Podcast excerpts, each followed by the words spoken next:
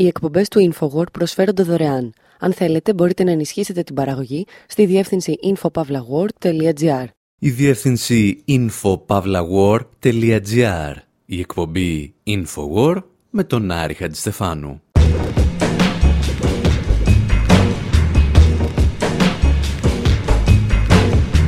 όπου σήμερα βάζουμε σε σειρά δύο-τρεις κουβέντες που είχαμε πει για ορισμένες ταινίες, οι οποίες τελικά προτάθηκαν για Όσκαρ.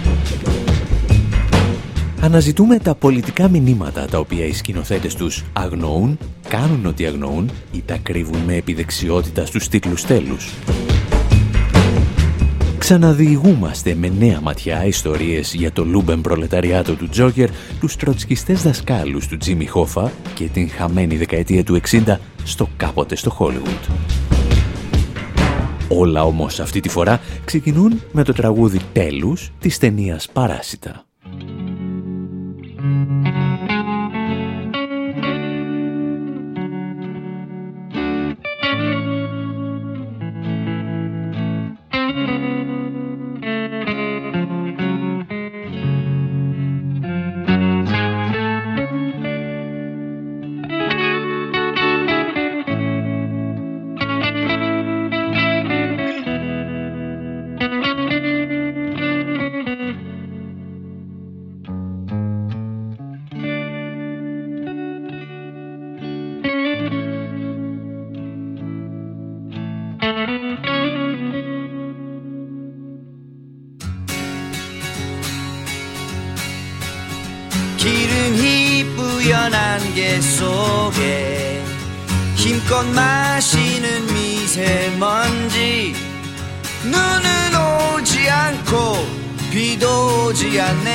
바싹 메마른 내 발바닥. 매일 하얗게 불태우네. 없는 근육이 다 타도록 쓸고 밀고 닦고 다시 움켜쥐네 이젠 딱딱한 내 손바닥.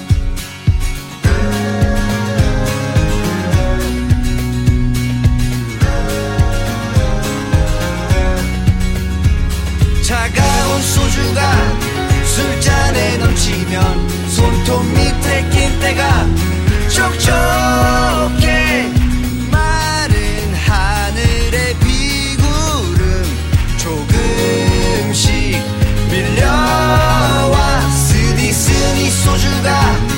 술잔에 넘치면 손톱 밑에 낀 때가 촉촉해.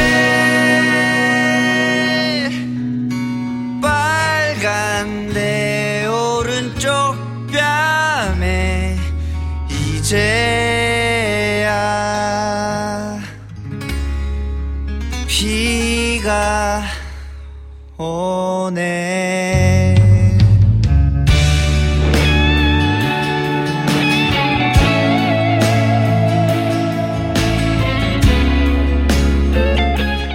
έχετε δει την ταινία Παράσιτα και δεν σας θυμίζει τίποτα το συγκεκριμένο τραγούδι, είναι γιατί έπαιζε στους τίτλους τέλους, όταν παίρνατε τα μπουφάν σας για να φύγετε.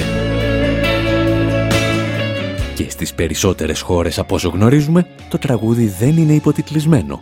Συνεπώς, το καταλαβαίνουν μόνο οι Κορεάτες.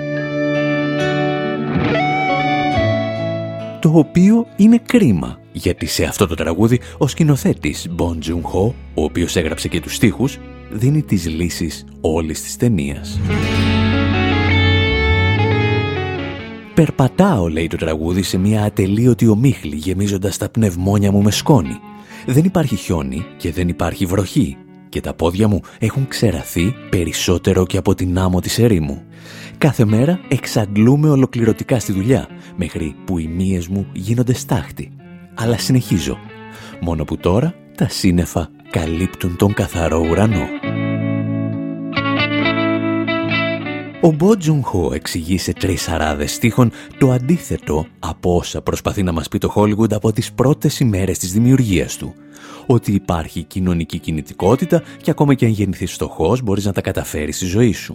Ότι υπάρχει το λεγόμενο trickle-down effect, ότι δηλαδή αν αφήσουμε τους πλούσιους να γίνουν πλουσιότεροι, τα ωφέλη από την ανάπτυξη θα διαχυθούν σε ολόκληρη την κοινωνία. Αν τα πιστεύετε όλα αυτά, φαίνεται να λέει ο Μπόντζουνχο, είστε ή πολύ ηλίθιοι ή πολύ απελπισμένοι. Για την ακρίβεια, ο σκηνοθέτης των Παρασίτων προσπαθεί να μας εξηγήσει αυτή την πολύ απλή αλήθεια εδώ και χρόνια, με ένα σχεδόν μπρεχτικό τρόπο. Δεν υπάρχουν, λέει, καλοί και κακοί. Υπάρχουν απλώς άνθρωποι που αλληλοεξοντώνονται, προσπαθώντας να επιβιώσουν απέναντι σε ένα απάνθρωπο σύστημα. Τα έλεγε και ο κριτικός κινηματογράφου Άλεκ Κουμπας Μέγερ σε ένα βιντεάκι που ανέβασε πρόσφατα στο YouTube για τα παράσιτα. Politics and social messages have defined everything that Bong has done since. Parasite is his seventh feature. He releases Η πολιτική και τα κοινωνικά μηνύματα έχουν καθορίσει κάθε έργο του Μπον. Τα παράσιτα είναι η έβδομη παραγωγή του. Παρουσιάζει μια ταινία σχεδόν κάθε τρία χρόνια. Και κάθε φορά το θέμα με το οποίο θα ασχοληθεί και το τι θέλει να πει γι' αυτό γίνεται όλο ένα και πιο ξεκάθαρο. Κάθε ένας από τους κεντρικούς ήρωές του σε κάθε μία από τις ταινίες του ανήκει στις κατώτερες τάξεις. Ο πραγματικός κακός της ταινίας είναι το σύστημα το οποίο δημιουργεί τους ανταγωνιστέ του ήρωα της ταινίας.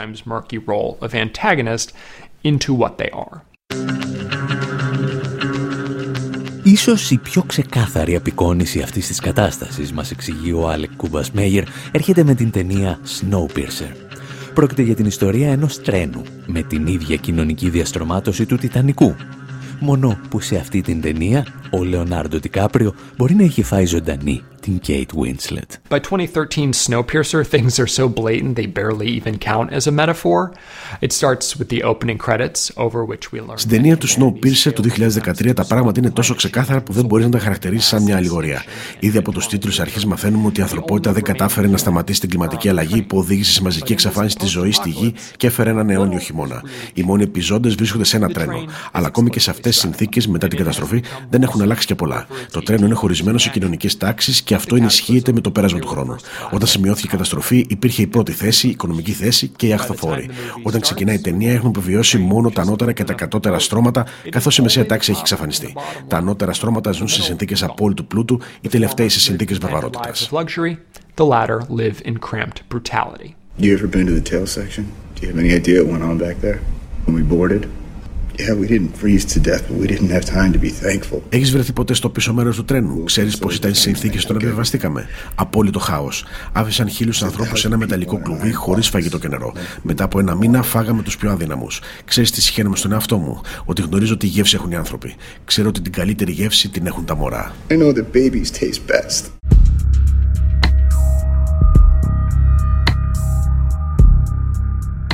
Προφανώς, μετά την αγριότητα της ταινίας Snowpiercer, τα παράσιτα αποτελούν μια χιουμοριστική επιστροφή στην κανονικότητα της απελπισίας. Και όσοι έχετε δει την ταινία, ίσως να θυμάστε και εκείνη τη σκηνή με την υπερυψωμένη τουαλέτα στο διαμέρισμα των ηρώων μας. Οι αισιόδοξοι ίσως να είδατε μια τουαλέτα που ήταν ψηλά. Οι ρεαλιστές πάντως είδαν ένα σπίτι που ήταν κάτω από την τουαλέτα. How can you blame them for doing everything they can to get out of their lives in a?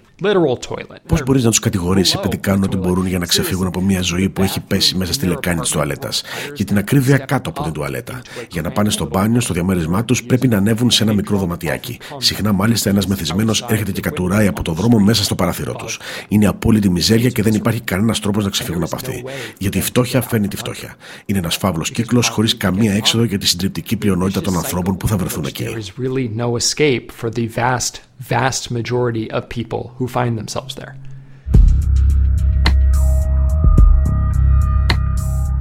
Ολοκληρώνοντας την κριτική του για τα παράσιτα, ο Άλεκ Κουμπασμέιερ υποστηρίζει ότι η ταινία είπε όσα δεν κατάφερε να πει η ταινία Τζόκερ.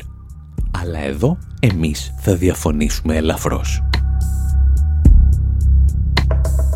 Γιατί, όπως είχαμε πει και μετά την κυκλοφορία του Τζόκερ, όταν το κράτος της δεξιάς, αν θυμάστε, έστελνε παιδιά που την παρακολούθησαν στα κρατητήρια, και στον Τζόκερ έχουμε το αδιέξοδο ενός λούμπεν προλεταριάτου και ξεκινούσαμε εκείνες τις ιστορίες με αυτό εδώ το τραγούδι. Uh, Murray, one small thing. Yeah. When you bring me out, can you introduce me as Joker?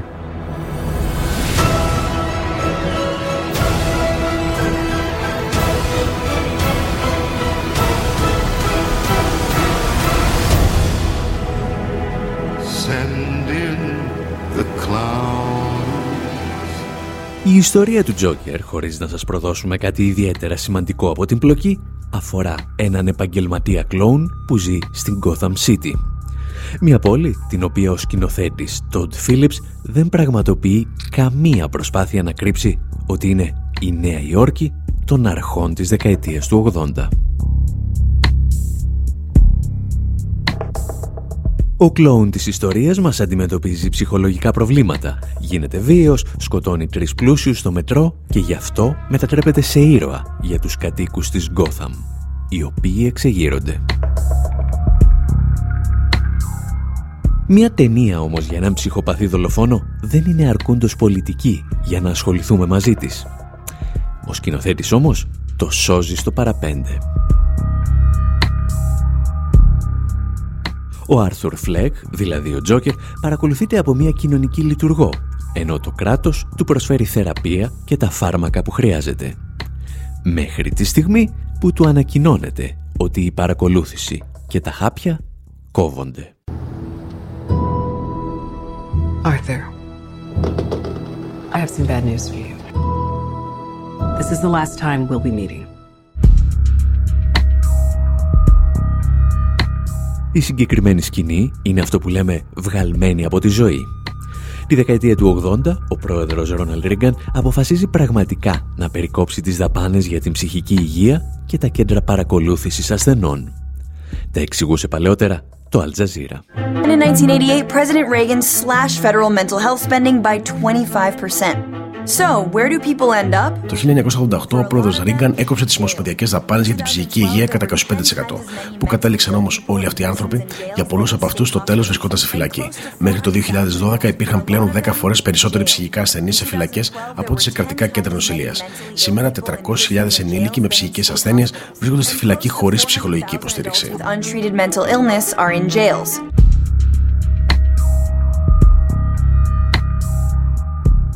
Ο λόγος για τον οποίο ο Ρίγκαν θα πυροδοτήσει όλη αυτή την παράνοια ονομάζεται εν γέννη καπιταλισμός και στη συγκεκριμένη περίπτωση νεοφιλελευθερισμός. Government is not the solution to our problem. Government is the problem.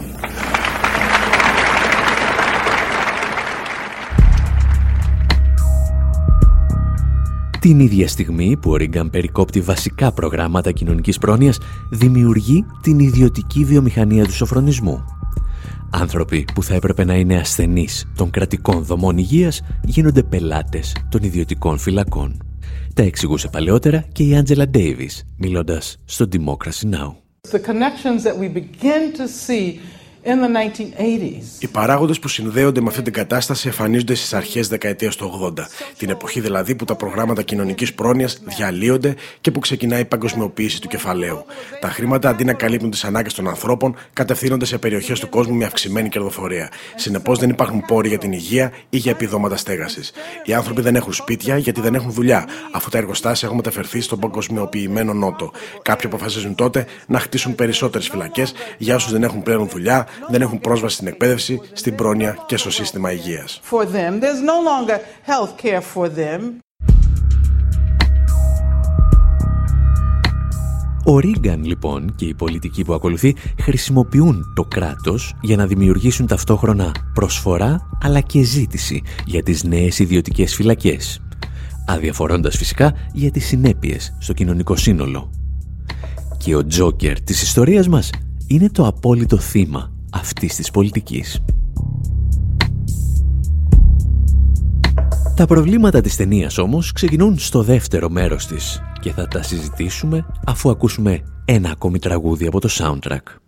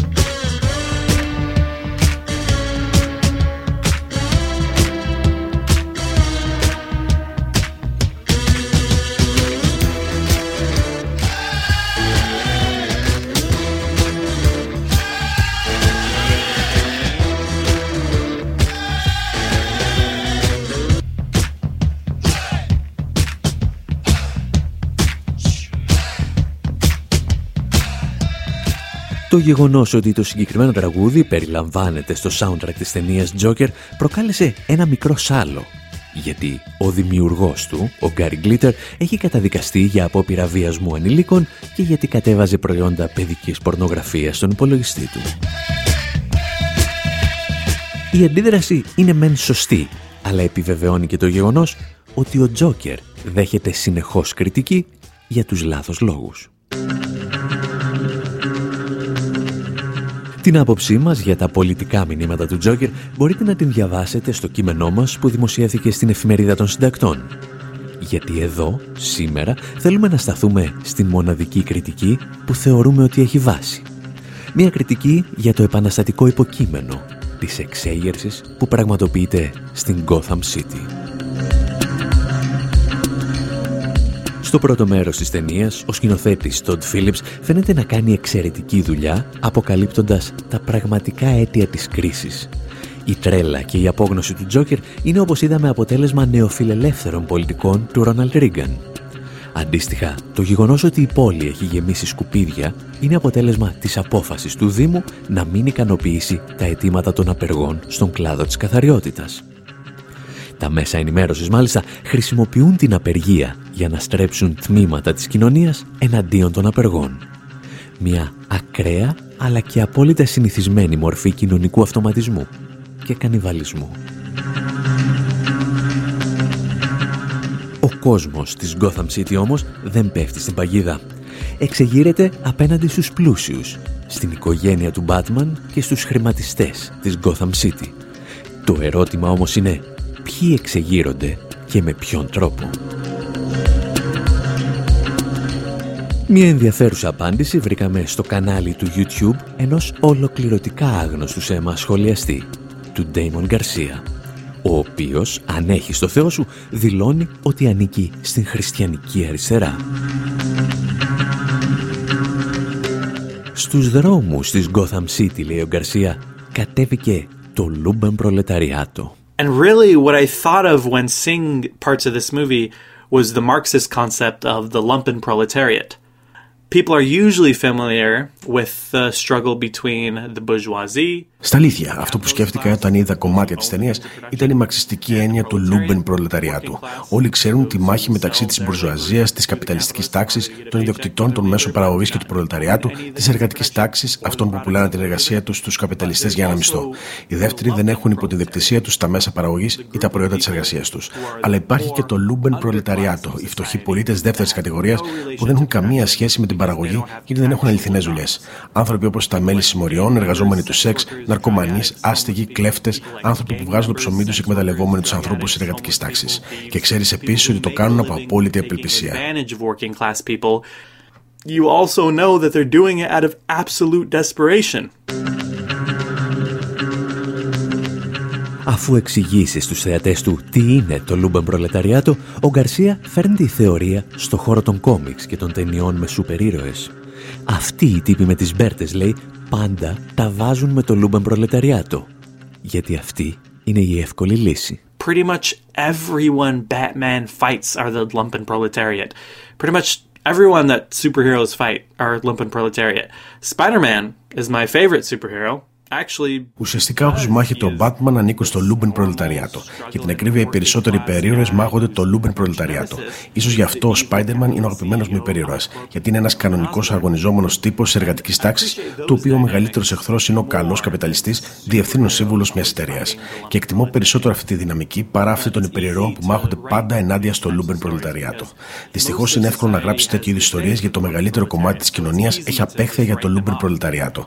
Ακόμα και οι μαξιστέ ήταν πάντα βέβαιοι πώς να το αντιμετωπίσουν, γιατί συνήθως αποτελούσε απειλή για την αριστερή οργάνωση και κινητοποίηση του προλεταριάτου. Στο Κομμουνιστικό Μανιφέστο, ο Μαρξ το αποκάλεσε επικίνδυνη τάξη και αποβράσματα της κοινωνίας.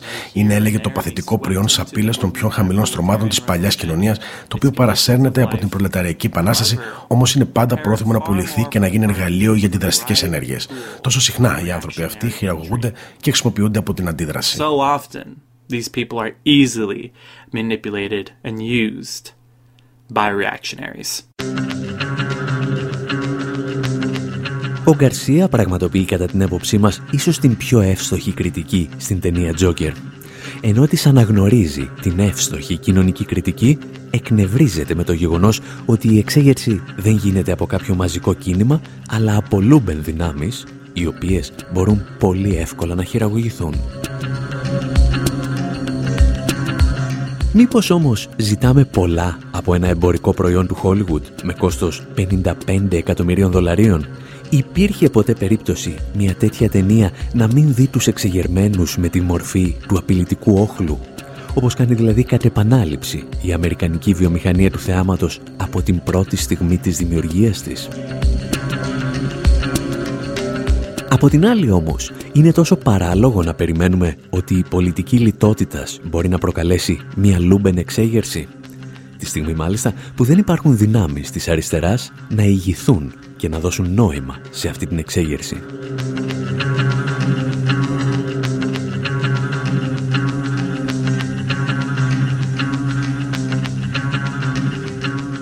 Κάπου εδώ όμως εμείς θα κάνουμε ένα μικρό διάλειμμα στην παρουσίαση των ταινιών που μας τράβηξαν περισσότερο την προσοχή και διαγωνίζονται τελικά για τα Όσκαρ του 2020.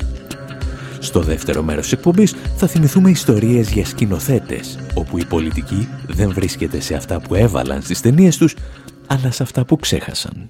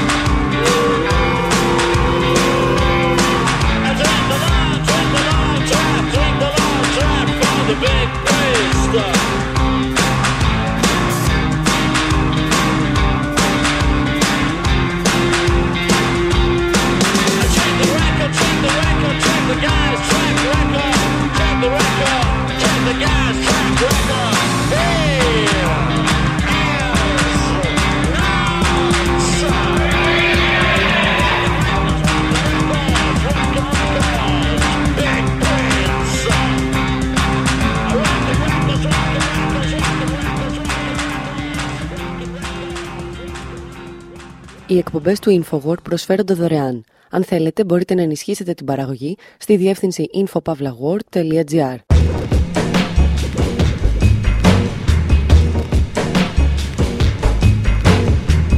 Εκπομπή InfoWord, μέρος δεύτερο.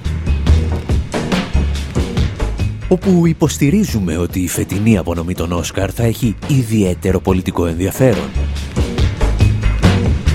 Όχι βέβαια γιατί θα επαναληφθεί η συζήτηση για τα ποσοστά των γυναικών και των μαύρων στη βιομηχανία του θεάματος. Αυτό είναι σίγουρα ένα πολύ σημαντικό θέμα, αλλά δείχνει και τα όρια στα οποία μπορεί να φτάσει η σκέψη της φιλελεύθερης Αμερικής. Αναγνωρίζει ότι υπάρχει κάποιο πρόβλημα, αλλά δεν θέλει ποτέ να ψάξει τα βαθύτερα ταξικά του αίτια. Εμείς πάλι στο πρώτο μέρος εκπομπής είδαμε δύο ταινίες που το επιχείρησαν με εντελώς διαφορετικούς τρόπους και αποτελέσματα. Τα Παράσιτα και τον Τζόκερ. Και τώρα θα θυμηθούμε δύο ταινίες που πέρασαν σύριζα από την πολιτική, αλλά δεν ακούμπησαν. Ο Ιρλανδός και το κάποτε στο Χόλιγουντ.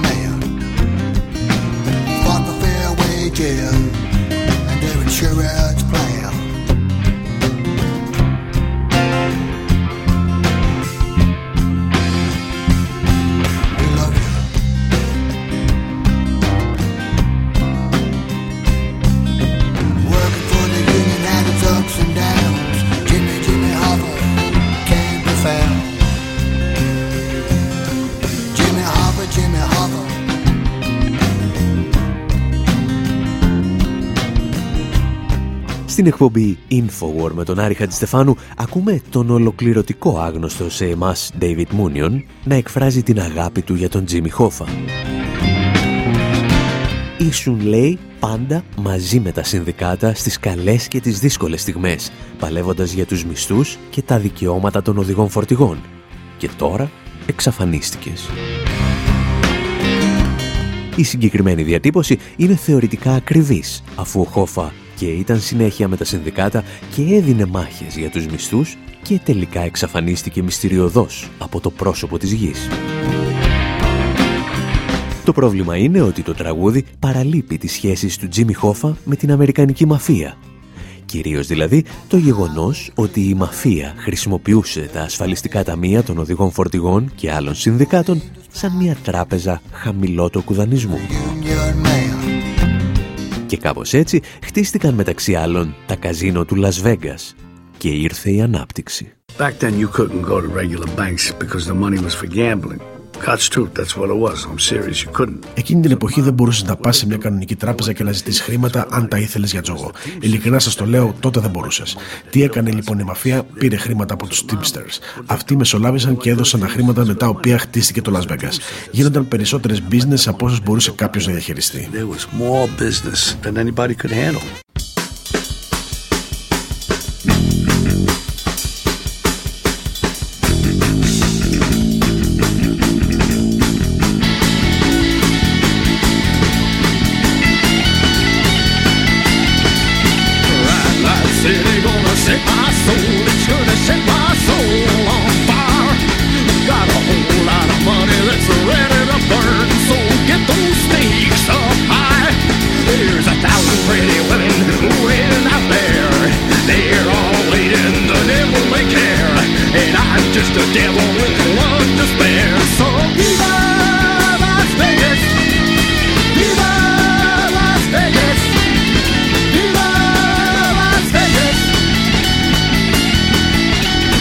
Οι Dead Kennedys τραγουδούν για τα καζίνο του Las Vegas που έχτισε η μαφία με τα χρήματα από τα ταμεία μεγάλων συνδικάτων.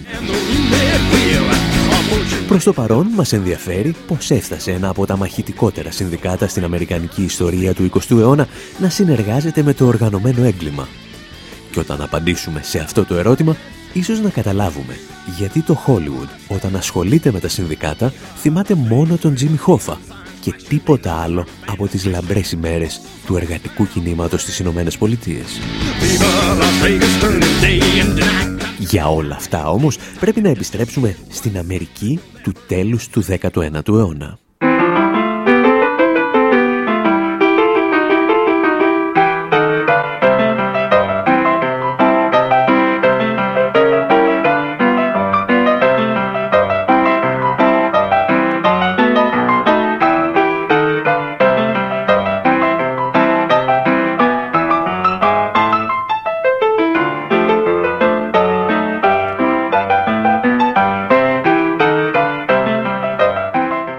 Επιστρέψει λοιπόν στο 1903 και ο βασιλιάς της ραγ, Σκοτ Τσόπλιν, βγάζει τα προστοζήν παίζοντας κομμάτια σαν και αυτό. Για την ακρίβεια, τα βγάζει και δεν τα βγάζει, αφού εκείνη τη χρονιά του κατάσχεσαν για χρέη την πρώτη όπερα που έγραψε με τίτλο Guest of Honor. Και έκτοτε δεν την ξαναβρήκαμε ποτέ. Την ίδια χρονιά όμως, μια άλλη εξέλιξη θα αλλάξει τα πάντα για κάποιους άλλους εργαζόμενους. Το 1903 δημιουργείται η Διεθνής Αδελφότητα των Teamsters από τη συνένωση δύο παλαιότερων συνδικάτων οδηγών φορτηγών. Για την ιστορία, Teamsters ήταν οι υπάλληλοι που οδηγούσαν κοπάδια αλόγων τα οποία έσερναν βαγόνια. Γι' αυτό, ακόμη και σήμερα, το σήμα των Teamsters σχηματίζεται από τα κεφάλια δύο αλόγων. Οι Teamsters θα μετατραπούν σε ένα από τα ισχυρότερα συνδικάτα των Ηνωμένων Πολιτειών. Γιατί όταν απεργούν οι οδηγοί φορτηγών, η ζωή στην Αμερική των αρχών του 20ου αιώνα παραλύει ολοκληρωτικά. Το συνδικάτο πάντως θα γνωρίσει τις πιο λαμπρές ημέρες του σχεδόν τρεις δεκαετίες αργότερα, στα χρόνια της Μεγάλης Ήφεσης. Είναι η εποχή που οι τροτσκιστές επισκιάζουν τα πιο συντηρητικά μέλη του συνδικάτου και ξεκινούν τις δικές τους μάχες. Το 1903 ο Φάρελ Ντόμπς, ο Καρλ Σκόλχουλτ και οι αδερφοί Ντόουν οργανώνουν τους οδηγούς που μετέφεραν κάρβονο στην οργάνωση 574 στη Μινεάπολη. Η ηγεσία των Teamsters αρνείται να στηρίξει τις ενεργειές τους. Οι ίδιοι όμως προχωρούν ακάθεκτοι και το 1934 είναι έτοιμοι να συγκρουστούν με τις δυνάμεις της αστυνομίας και της εθνοφρουράς. Και φυσικά τα μέσα ενημέρωσης της εποχής τους αντιμετώπιζαν όπως τα αντιμετώπιζαν και σήμερα κάθε μαχητική απεργία με ιστερικό μίσος και κρυφό φόβο.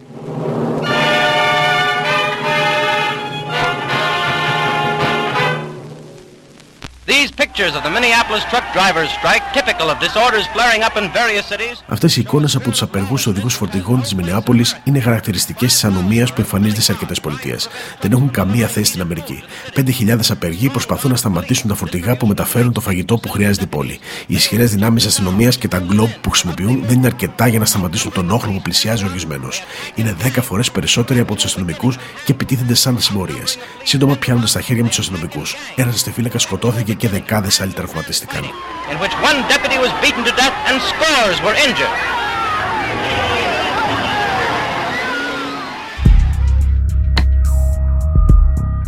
Και αφού ακούσατε τους παπαγάλους στα επίκαιρα της εποχής, θα μας επιτρέψετε να ξαναπούμε την ίδια ιστορία και με δικά μας λόγια. Το μέγεθος της κινητοποίησης των απεργών είναι πρωτοφανές στη Μινεάπολη, αφού μπλοκάρει τις μεταφορές προϊόντων σε όλες τις μεσοδυτικές πολιτείες. Ο κυβερνήτης Φλόιντ Όλσον επιβάλλει στρατιωτικό νόμο και κατεβάζει δυνάμεις του πεζικού στο κέντρο της πόλης. Η αστυνομία πυροβολεί εμψυχρό τους άοπλους διαδηλωτές. στην πιο κρίσιμη ημέρα της σύγκρουσης που θα μείνει στην ιστορία ως η ματωμένη Παρασκευή, δολοφονούνται δύο διαδηλωτές και τραυματίζονται εκατοντάδες άλλοι. Η απεργία όμως στέφεται με επιτυχία.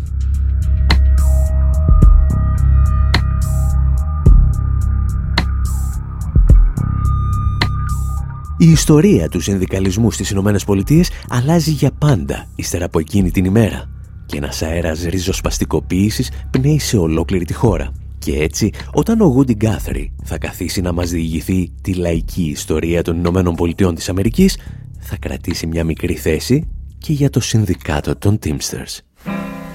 I'm just a lonesome traveler, the great historical bum. Highly educated, from history I have come. I built the Rock of Ages, twas in the year of one. That's about the biggest thing that man had ever done. I worked in the Garden of Eden, it was a year of two. Joined the Apple Pickers Union, I always paid my due.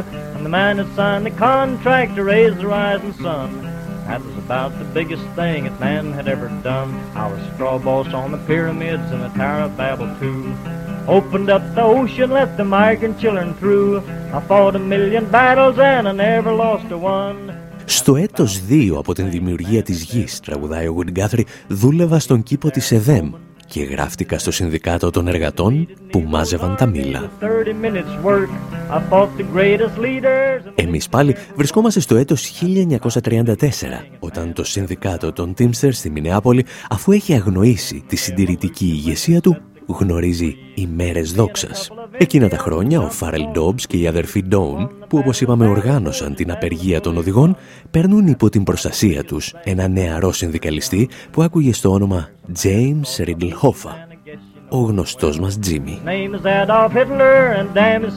Δίπλα τους, ο Χόφα μετατρέπεται σε έναν από τους πιο μαχητικούς και έμπειρους συνδικαλιστές στην ιστορία του εργατικού κινήματος των ΗΠΑ και ξεκινά την αναρρίχησή του προς την ηγεσία του συνδικαλιστικού κινήματος.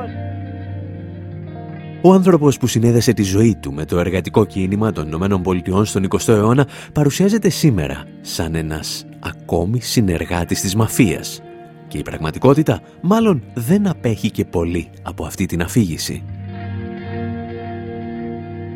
Αυτό που ορισμένοι παραλείπουν όμως είναι ότι πριν πέσει στα χέρια της μαφίας, ο Χόφα είχε περάσει από τη μεγάλη αγκαλιά του καπιταλισμού. Από τις αρχές του Δεύτερου Παγκοσμίου Πολέμου, ο πρόεδρος των Teamsters, Dan Tobin, δίνει εντολή να διαλύσουν τους τροτσκιστές που ελέγχουν την τοπική οργάνωση 544 των Teamsters στη Μινεάπολη. Και όταν το τοπικό συνδικάτο αντιδρά, ο Τόμπιν στέλνει την αστυνομία που τους σπάει στο ξύλο και βάζει τα μέλη τους στη φυλακή. Την ίδια στιγμή, ο Τόμπιν στέλνει και ομάδες τραμπούκων με λοστούς και ρόπαλα του μπέισμπολ να τσακίσουν κάθε φωνή αντίστασης. Και επικεφαλής αυτών των ομάδων είναι πλέον ο Τζίμι Χόφα, ο οποίος δρά με την στήριξη ή τουλάχιστον με την ανοχή της αστυνομίας. Πριν έρθει δηλαδή η συνεργασία με τη μαφία, είχε επιτευχθεί η συνεργασία με την αστυνομία. Το ολιγοπόλιο της βίας συναντούσε το μονοπόλιο της νόμιμης βίας. Στην αυτοβιογραφία του που δημοσιεύθηκε το 1970, ο Τζίμι Χόφα θα εξηγήσει ότι δεν άντεχε τους κομμουνιστές και κυρίως τους τροτσκιστές μέσα στα συνδικάτα.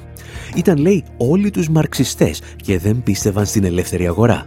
Δεν καταλάβαιναν ότι αν περάσεις από τους τσάρους του καπιταλισμού στους τσάρους που διορίζει το κράτος, απλώς θα χάσεις τις οικονομικές και κοινωνικές αξίες σου. Μεγάλες κουβέντες από τον μεγαλύτερο μαφιόζο συνδικαλιστή της ιστορίας.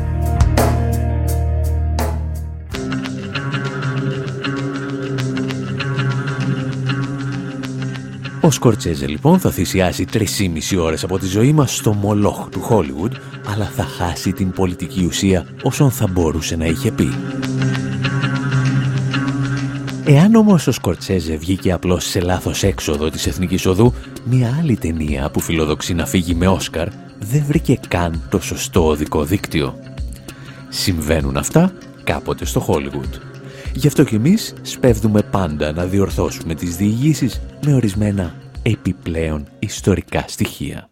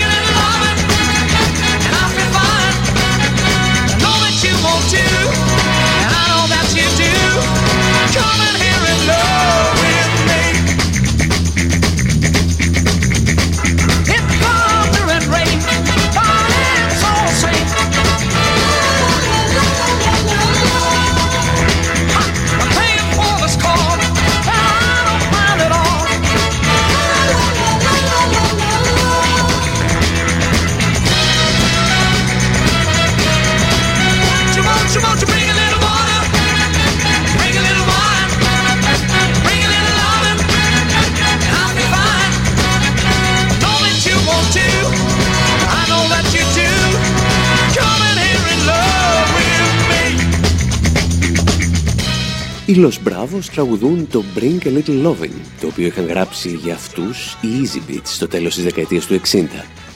Τότε που άλλαξαν τα πάντα. Ο Ταραντίνο θα θυμηθεί το τραγούδι και θα το εντάξει στο soundtrack της τελευταίας του ταινίας, κάποτε στο Hollywood. Όταν όμως μιλά για το τέλος της δεκαετίας του 60, ο Ταραντίνο δεν αναφέρεται ούτε σε γεγονότα όπως η δολοφονία του Μάρτιν Λούθερ Κίνγκ, ούτε στον Παγκόσμιο Μάη του 68 ή στον πόλεμο του Βιετνάμ, επιβεβαιώνοντας ότι όλες του οι προσλαμβάνουσες προέρχονται και αφορούν μόνο τον κινηματογράφο, αποφασίζει να ασχοληθεί με δύο γεγονότα του χώρου. Το πρώτο είναι η τεράστια αλλαγή που συντελείται στην Αμερικανική βιομηχανία του θεάματος. Μια βιομηχανία η οποία εγκαταλείπει προς στιγμήν τους κλασικούς ήρωες και εισαγάγει μεταξύ άλλων και αρκετούς αντιήρωες. Ένα νέο σκηνικό στο οποίο ο πρωταγωνιστής, τον οποίο υποδίεται ο Λανάρντο Ντικάπριο, πασχίζει για να επιβιώσει. Η τάση βέβαια δεν θα επικρατήσει και το Hollywood θα επιστρέψει πολύ σύντομα σε παλιές, δοκιμασμένες και κυρίως συντηρητικές συνταγές. Αλλά αυτό είναι μια άλλη ιστορία.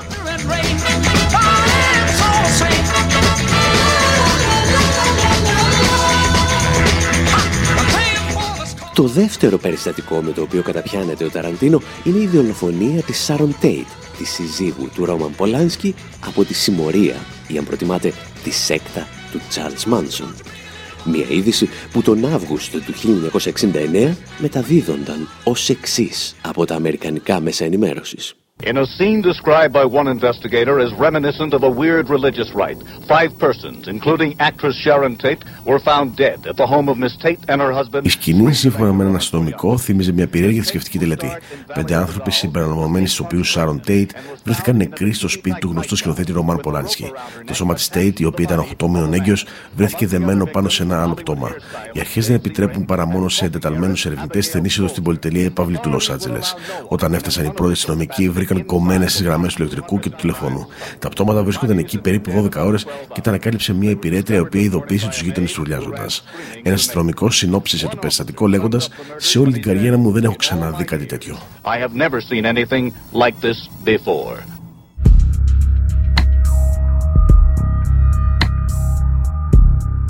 Όπως θα υποστηρίξει χρόνια αργότερα η συγγραφέας Joan Didion για αρκετούς ανθρώπους που ζούσαν στο Λος Άντζελες, η δεκαετία του 60 τερματίστηκε απότομα την ημέρα εκείνης της δολοφονίας, στις 9 Αυγούστου του 1969. Ήταν η ημέρα, λέει, όπου η παράνοια βγήκε στην επιφάνεια.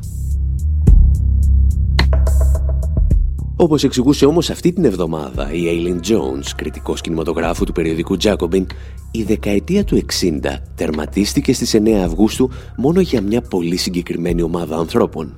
Τη λεγόμενη σιωπηρή πλειοψηφία των Ηνωμένων Πολιτειών ή αν προτιμάτε τους νοικοκυρέους. Για αυτή τη σιωπηρή πλειοψηφία, το εξεγερτικό κλίμα της δεκαετίας του 60 ήταν μια κατάρα την οποία έπρεπε να καταπολεμήσουν με κάθε μέσο. Για όλους αυτούς τους ανθρώπους, τα εγκλήματα του Charles Manson αποτελούσαν τη φυσική συνέχεια όλων των κινημάτων αμφισβήτησης που γεννήθηκαν στην ταραγμένη δεκαετία του 60. Κάτι σαν να έλεγαν «Εμείς σας είχαμε προειδοποιήσει για το που θα οδηγήσει όλη αυτή η περιπέτεια». Και φυσικά, καθώς η γενιά των χίπης είχε λιώσει τα μυαλά της στα ναρκωτικά, δεν ήταν σε θέση να αντιμετωπίσει τις εναντίον της κατηγορίες.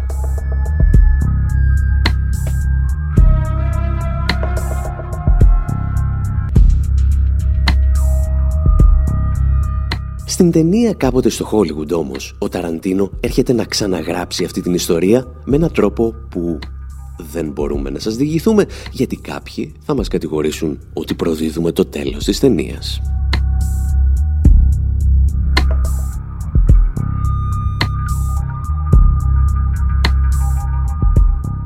Κάπου εδώ όμως, εμείς λέμε να σας αφήσουμε στην ησυχία σας και για αυτή την εβδομάδα, ελαφρώς καλύτερα προετοιμασμένους και ψηλιασμένους για την βραδιά των Όσκαρ. Από τον Άρη Χατζηστεφάνου στο μικρόφωνο και τον Δημήτρη Σταθόπουλο στην τεχνική επιμέλεια, γεια σας και χαρά σας.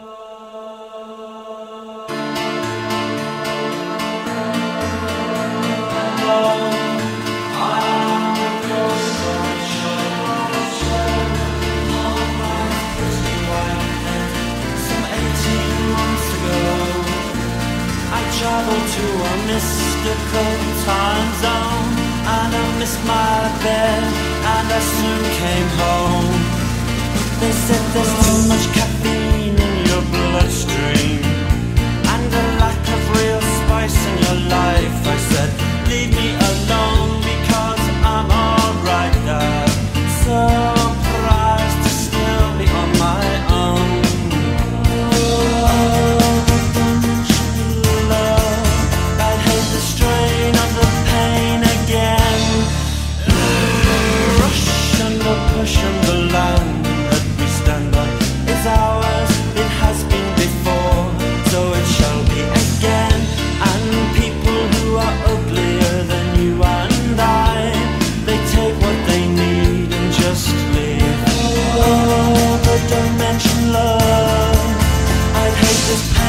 the strain all over again.